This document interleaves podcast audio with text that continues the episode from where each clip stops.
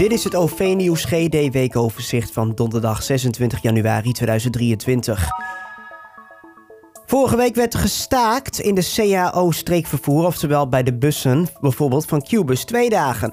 Ondanks de staking onder FNV-buschauffeurs reed een aanzienlijk deel van de bussen van Qbus gewoon op donderdag en ook op vrijdag was dat het geval.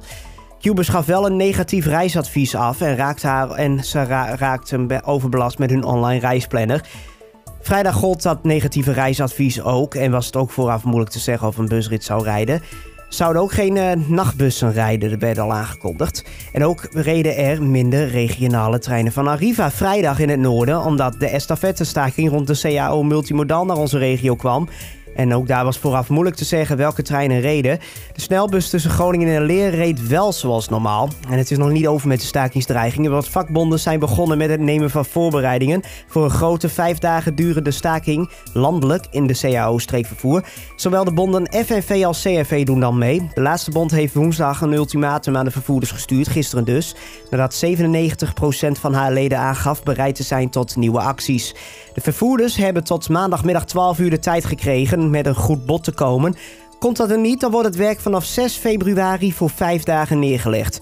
In zo'n situatie zullen er onder meer bij Cubus en Arriva dus nog minder bussen rijden dan tijdens de recente acties, omdat er toen alleen door FNV-leden werd gestaakt en de CFV doet nu dus ook mee.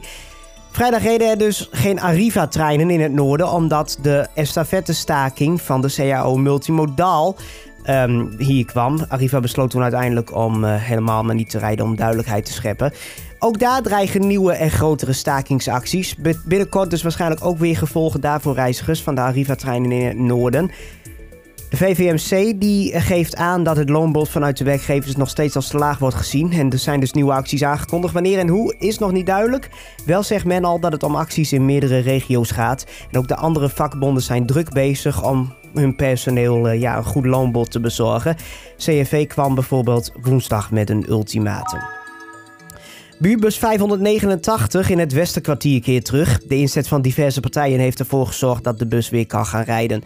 De route wordt langer dan voorheen. De bus gaat rijden tussen Marem en het industrieterrein Westpoort bij Hoogkerk. Onderweg worden daarmee ook diverse dorpen aangedaan die hun bus de afgelopen jaren zijn kwijtgeraakt. Bijvoorbeeld Oostwold en De Wilp.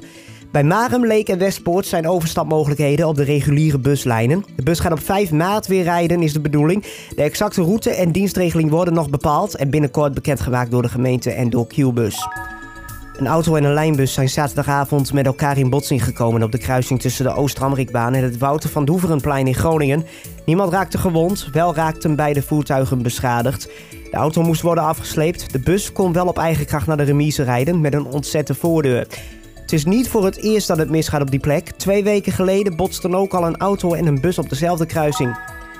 Reizigersorganisatie Rover heeft een landelijk meldpunt geopend waar reizigers de gevolgen van de uitgedunde dienstregelingen kan melden.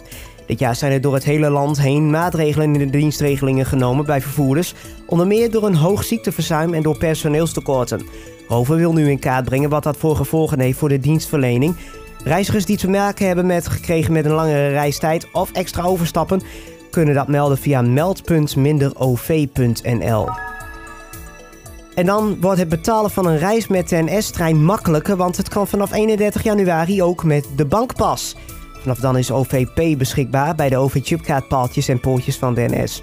OVP wordt gezien als de uiteindelijke opvolger van de OV-chipkaart en maakt het mogelijk met een contactloze betaalpas fysiek of bijvoorbeeld mobiel in en uit te checken.